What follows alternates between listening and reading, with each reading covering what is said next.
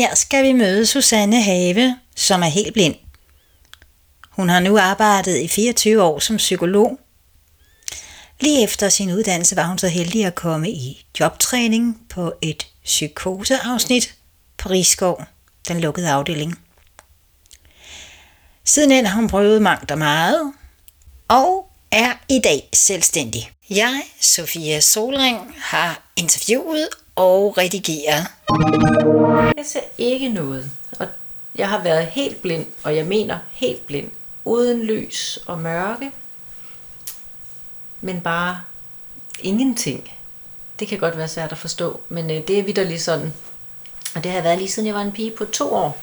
Så det er det, der hedder barneblind. Så det har jeg været så længe.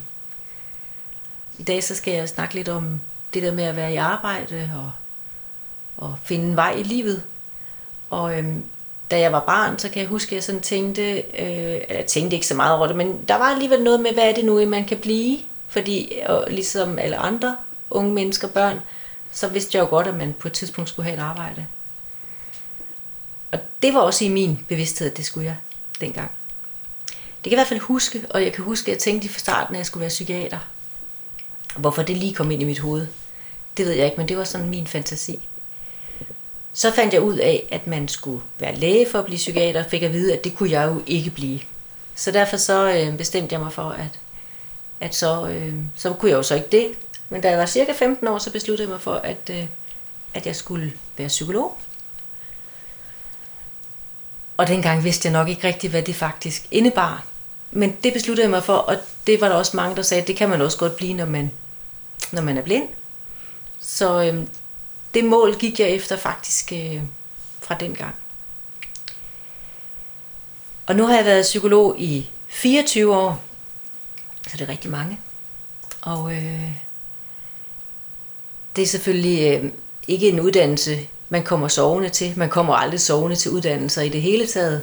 Lige meget om det nu er en øh, tømmeruddannelse, eller en universitetsuddannelse, eller en fysioterapeutuddannelse, men det synes jeg nu heller ikke, jeg gjorde dengang. Øh, studerede man med, eller havde man sine bøger på kassettebånd, og man havde nogen til at hjælpe sig med at få læst ind.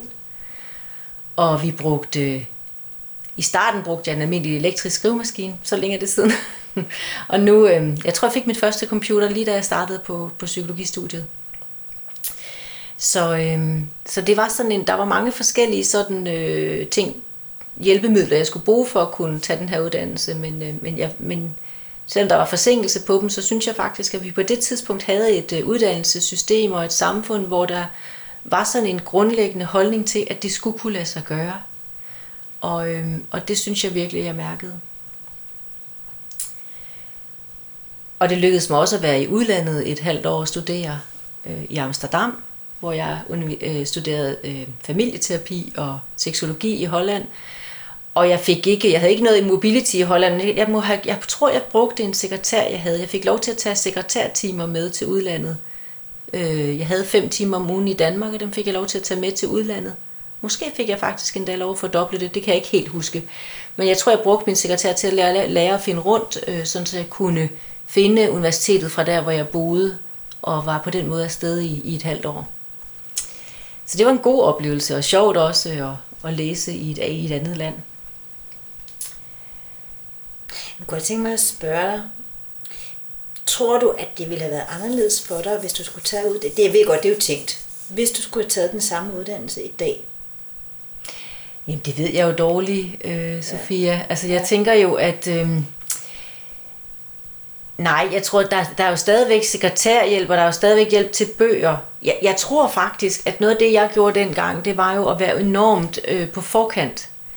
Og virkelig være opmærksom på allerede i, i altså, halvt år før, øhm, faktisk når jeg kom, til, kom hjem fra sommerferien, så begyndte jeg at spørge dem, jeg skulle have til foråret, de lærer, hvad de skulle bruge for noget litteratur. Og nogle gange vidste de det, og så kunne jeg jo så få det indlæst, eller få, få fundet ud af det. Andre gange så anede de det ikke, og så måtte jeg jo vente og håbe på, at det gik. Og jeg var også et år længere om at tage min uddannelse end, øh, end, end snittet. Altså, det tager, tog normalt fem år, og jeg brugte seks. Og det tror jeg nu ikke, altså det er jo ikke usædvanligt, kan man sige. Så der er jo ikke noget mærkeligt i det. Men, men, men det er klart, det forsinker. Jeg tror i dag ville man jo have mere på computeren. Der ville være mere, der kunne sendes ud gennem øh, man kunne få det med som vedhæftet fil eller sådan. Så på den måde kunne man måske nok forestille sig, at der var noget, der var lidt nemmere, men så er der sikkert noget andet, der er blevet sværere ved at tro. Til gengæld er der måske en bedre deling imellem øh, forskellige øh, øh, Øh, biblioteker. Lydbøger er blevet mere moderne. Altså mange flere forskellige lydbøger læses ind end dengang. Der var det kun dem, jeg bad om. Nu vil der være masser af psykologi, som folk har været interesseret i. Også øh, fra USA og England. Jeg lånte også fra USA, men bøgerne var jo lang tid undervejs. Altså, de var måske to-tre uger om at komme over. Øhm.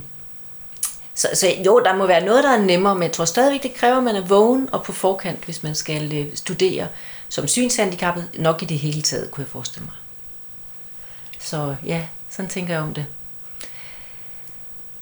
Men du blev altså færdig? Jeg blev færdig, ja. Øh, heldigvis. Og, og blev rigtig, trængte rigtig meget til at være færdig, da jeg blev det. Der er mange, der har skrevet speciale, som godt ved, at det er en lang proces. Og det var skønt at blive færdig med. Så, øh, og så var jeg i starten, så ledte jeg selvfølgelig efter job. Det, det, øh, det, jeg, jeg, havde fået, jeg havde taget min uddannelse for at få et arbejde, og jeg troede på, at jeg kunne arbejde som psykolog. Og øh, så jeg ledte efter job, og var også til en del jobsamtaler, men fik umiddelbart ikke noget. Der gik syv måneder, så tænkte jeg, det går jo ikke det her. De, de, den ene arbejdsgiver sagde, jeg er ikke sikker på, jeg tror på, at du kan arbejde som psykolog, men jeg ved jo ikke, om du kan arbejde med dit synshandicap. Og så tænkte jeg, det er jeg jo nødt til at vise, jeg kan, hvis jeg skal komme igennem den, det nåleøje.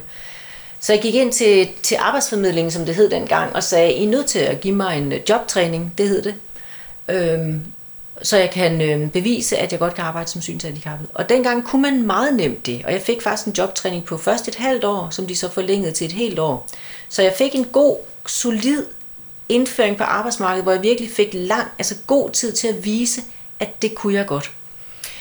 Og jeg kom til at arbejde på Psykiatrisk Hospital i øh, Rigskov, øh, og der var de vant til at have folk i jobtræning, det var de gode til, så jeg fik også lov til at prøve rigtig meget. Jeg var på psykoseafsnit på den lukkede og der var knald på, og folk var virkelig øh, syge og dårlige, men jeg fik lov at være der, og jeg synes også, jeg fik øh, lykkedes med at gøre en god forskel. Og det at være synshandicappet der var faktisk ikke... Øh, det tog, de skulle, øh, det tog de virkelig op fra og ned. Både de, de, de, de indlagte, de syge, men også personalet, der bare så Jeg kom der som sådan en lille tøs på 26 år og skulle have psykosegruppe, og det, det tog de skulle bare cool. Men jeg var også selv, synes jeg, hvis jeg skal være helt ærlig, cool, og altså var i, i ro med, at det, at det troede jeg på, at jeg kunne. Nogle gange tænker jeg så nu, tænker jeg, det var nogle vilde udfordringer, men, men, jeg, men jeg havde sådan en god, øh, et godt mod på det. Øh, og nogle gange er det at have mod på tingene jo øh, øh, halvdelen af vejen, kan man sige. Så, øh, så på den måde, så, øh, så lykkedes det mig at være der på, på, øh, på Psykiatrisk Hospital, og jeg var der et år, og det var, jeg lærte virkelig, virkelig meget var i mange forskellige funktioner. Da det år så var gået, så søgte jeg, for, jeg søgte faktisk ikke så meget, jeg søgte nogle forskellige ordinære almindelige stillinger og fik øh, en stilling i børnepsykiatrien ude i Herning, hvor jeg også var i tre år. Øh, et sted, der virkelig øh, trængte til en, øh, et godt løft, og, og det synes jeg, jeg og nogle kolleger virkelig gav det i nogle år, hvor det var en god, øh, god sjov periode, også hvor vi virkelig knoklede for at få de her øh, skæve unger til at få den bedst mulige hjælp. Vi ved jo allerede i dag øh, også, hvordan børnepsykiatrien og ungdomspsykiatrien er presset. Det var den også dengang, især i Vestjylland. Øh, men det er så med et, et meningsfuldt og godt arbejde at tage sig af. Da du skulle søge de her jobs, fortalte du så noget om din, øh, din synsudfordring med det samme? Ja. Eller, eller øh, skrev du det simpelthen i ansøgningen? Jeg skrev det i ansøgningen. Jeg skrev, øh, jeg skrev i ansøgningen, øh, jeg havde et afsnit, der hed personligt. Jeg har haft sådan, det er længe siden, jeg har søgt job nu. Jeg har ikke søgt det siden 2005, der søgte jeg mit sidste job. Øh, men dengang, der skrev jeg, jeg havde sådan tre, tre, jeg tror, jeg havde tre paragrafer, altså afsnit. Et, der hed motivation, et, der hed øh, erfaring og faglighed, og et, der hed personligt. Og under personligt, der skrev jeg, øh, at jeg var blind, og så skrev jeg, at jeg øh, benyttede mig af et kompenserende computerudstyr, og jeg skrev, at jeg brugte personlig assistance, og på den måde kunne arbejde på lige fod med ikke blinde, eller hvad hedder det, med scene skrev jeg nok. Jeg kan ikke huske, hvordan jeg formulerede det helt nøjagtigt, men noget af den stil, og var ret sådan åben om det. Så skrev jeg selvfølgelig også noget af mine personlige egenskaber, hvem jeg var, og at jeg, øh, ja, altså nogle ting om, hvad jeg, hvad jeg synes, jeg var for en. Sådan noget af det, som hedder styrker i dag, tror jeg. Force og kompetence. Ja, ja, lige nøjagtigt. Sådan, hvem er man egentlig, ikke også? at gå på mod, for eksempel. Jeg har sikkert også skrevet overblik og andre sådan relevante ting, ja. Får man et bedre overblik, når man ikke kan se?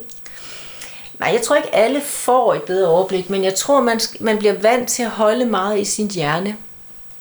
Jeg tror, mange blinde er svagtseende er, er kendt for at huske godt, og det, det har også altid været en af mine forser, at virkelig huske godt. Øh, jo, jeg, altså, jo jeg, man får nok et bedre overblik. Nogen gør i hvert fald.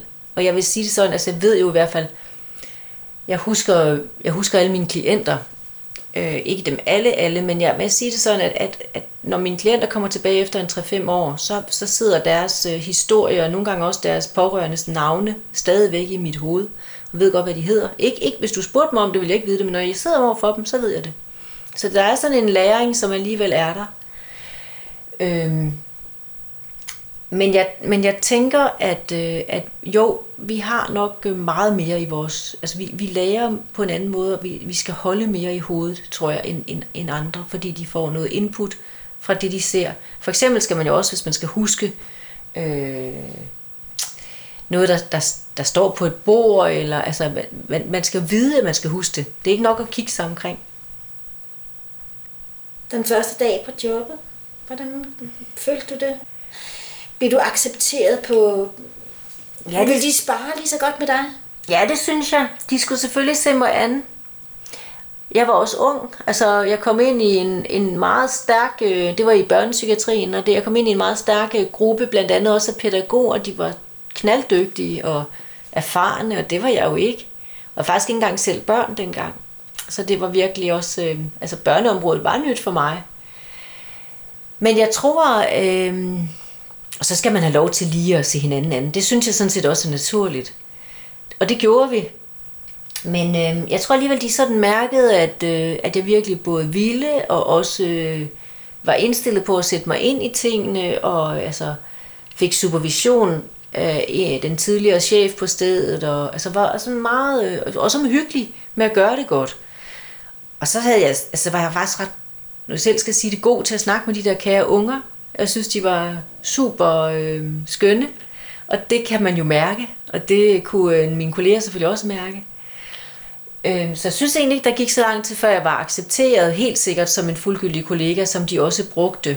Og vi kørte på hjemmebesøg sammen, og så får man jo også nogle gange nogle gode snakke om, hvad man oplever og ser.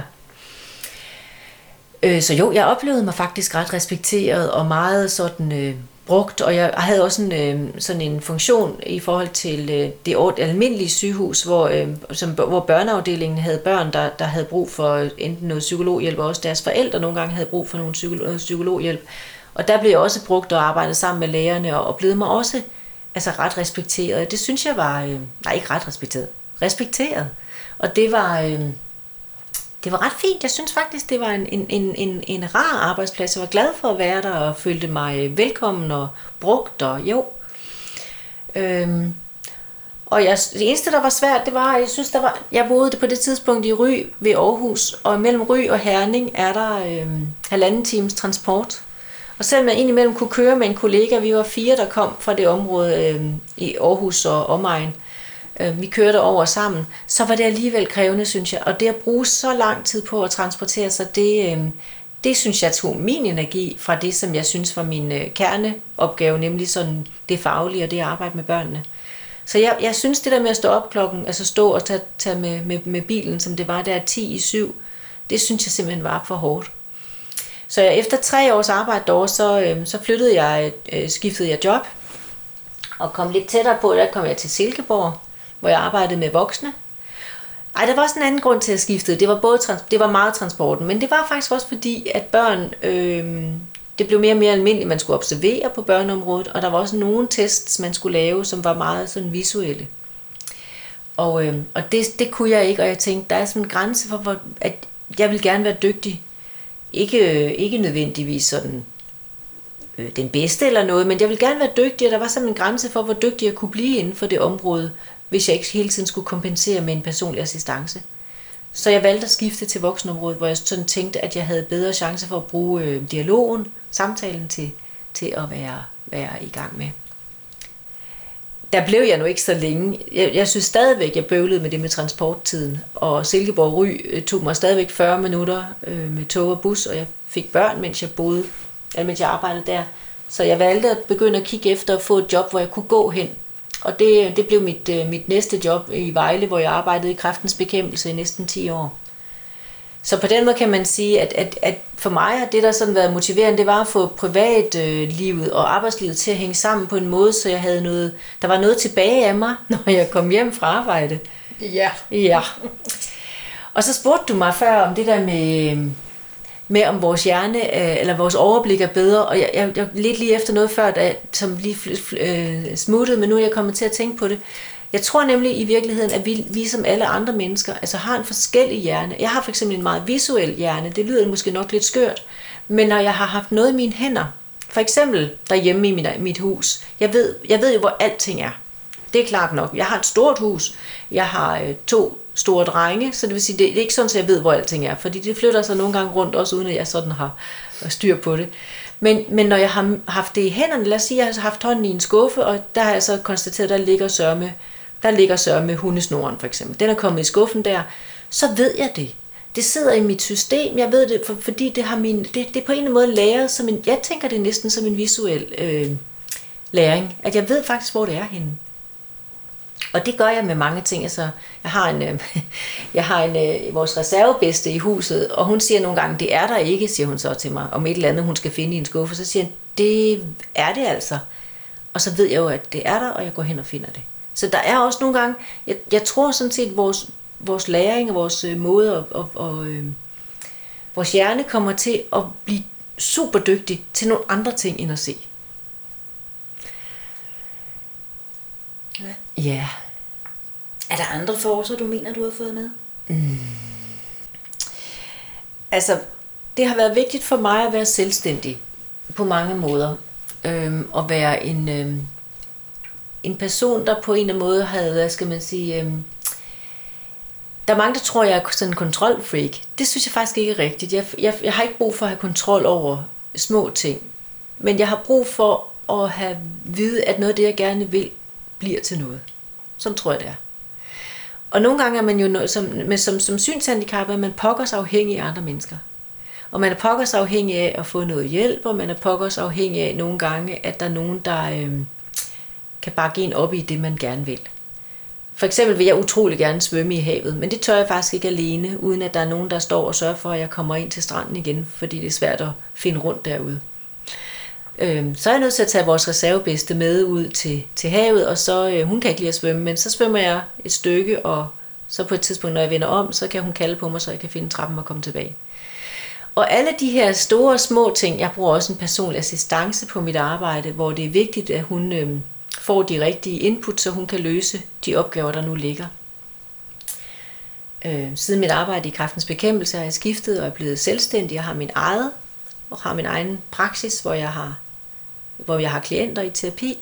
Og i, i sådan en, en, en praksis, der skal man øh, indberette rigtig mange sådan øh, samtaler til øh, igennem computeren med computer og et kartotekssystem og sådan noget. Det er ikke så spændende, men der er enormt mange opgaver til en personlig assistance som handler om at sætte flueben i computersystemer på de rigtige steder.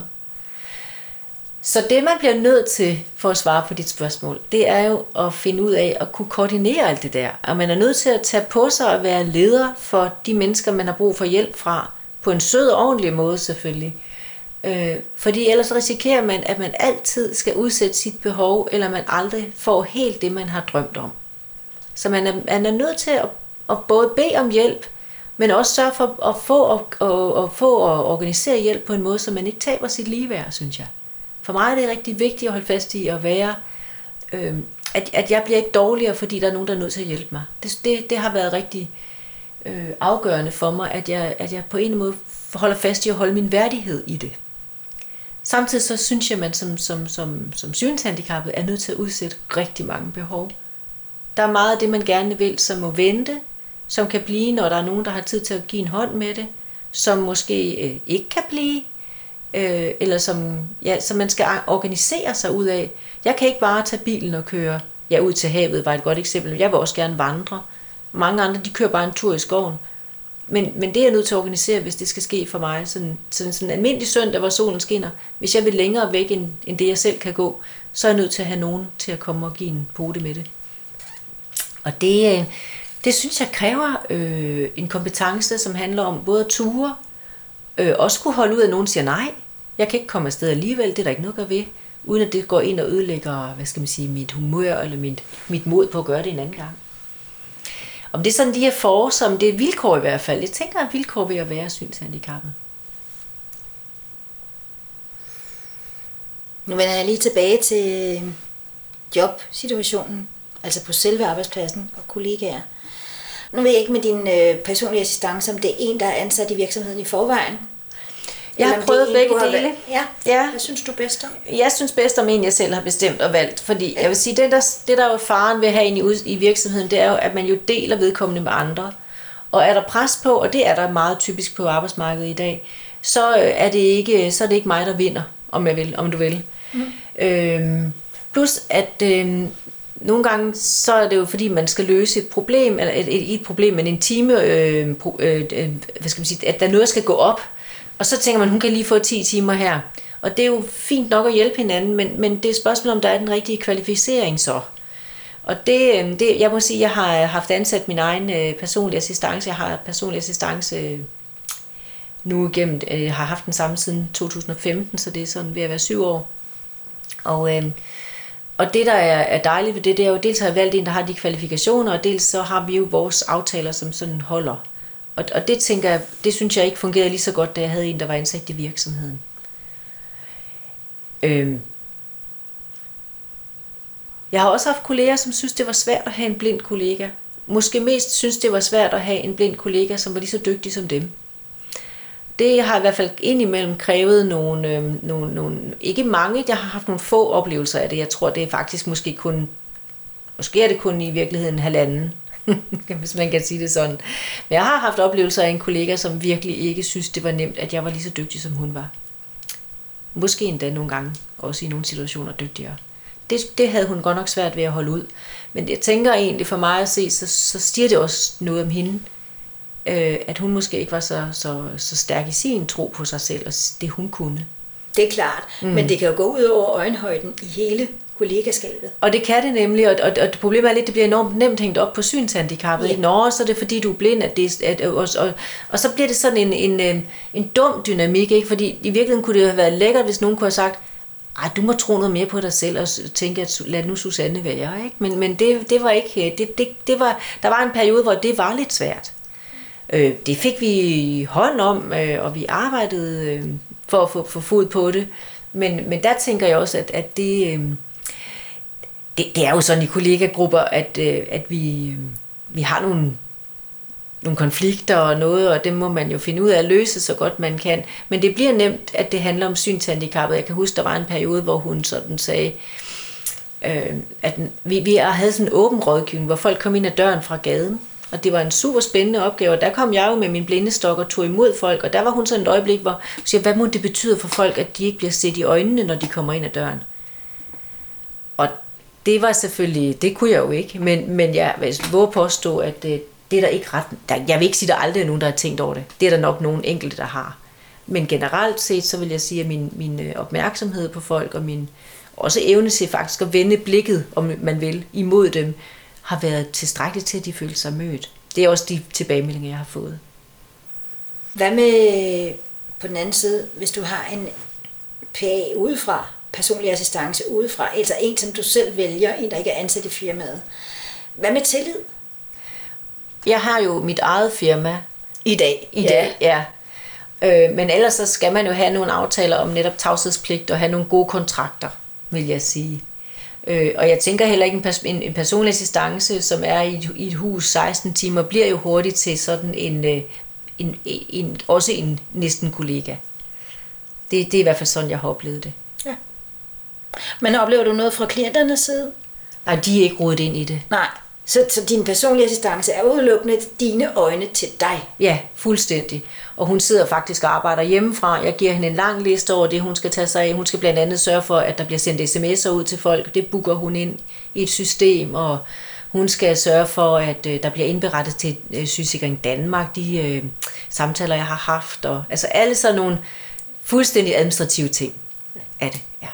Så hun er ikke sådan, hun har ingen, ingen klientkontakt. Og det har min personlige assistancer faktisk aldrig haft. Men det kan man jo godt. Jo, det er ikke helt rigtigt, for den gang jeg testede og lavede testninger i børnepsykiatrien, der lavede vi intelligenstest. Der var der nogle gange, jeg havde en personlig assistance til der, hvor børnene skulle tegne. Det var sjovt. Men der var det typisk, øh, der var det en at, at fra huset, der, der var med. Så tilliden, synes jeg, jeg synes egentlig, det synes jeg egentlig, man, man hurtigt kan finde vej i at finde tillid til hinanden, hvis man har fundet det rigtige menneske. Undervejs i mit øh, arbejdsliv og også i min uddannelsestid, der var, har det været vigtigt for mig at have et øh, netværk med andre synshandicappede. Jeg har haft øh, min gang både i det, som jeg kalder for den seende verden, og så i, i øh, verden med, med synshandicappede. Jeg er vokset op med mange øh, synshandicappede, så jeg kender rigtig mange. Øhm, og det har været vigtigt for mig at have begge sider øh, i, mit, øh, i mit liv. Jeg synes, det jeg henter i, øh, i, i at have et netværk med synshandicappede, det er jo selvfølgelig dels, hvordan er det, vi løser ting. Og vi skal ved Gud løse rigtig mange ting. På en anden måde, end, end, end mennesker, der er seende skal. Altså, de løser selvfølgelig også ting, men, men vi skal finde nogle løsninger, der passer til at være synshandicappet. Og vi skal finde ud af, hvordan ser vi muligheder i noget, der kan se besværligt ud osv. Der synes jeg, vi har noget god inspiration at give hinanden. Men der er også bare den der sådan helt øh, grundlæggende forståelse af et vilkår, som kan være utrolig svært at have, når man ikke har prøvet det. Det kender man fra mennesker, der har mistet, eller mennesker, der har været syge, at der er altså en, en, en, en, nogle følelser, tanker, øh, oplevelser i det, som er allernemmest at, at forstå, hvis man selv har været der. Og sådan er det også at være synshandicappet, synes jeg. Og øh, at, at der er en, en grundlæggende viden om, hvad er det, der bliver besværligt, hvad er det, der kræver energi, hvad er det, der øh, kan være skamfuldt, og hvad er det, der kan være øh, øh, sjovt, som, som, man, som, man, som findes i, i, i grupper med synshandicappede.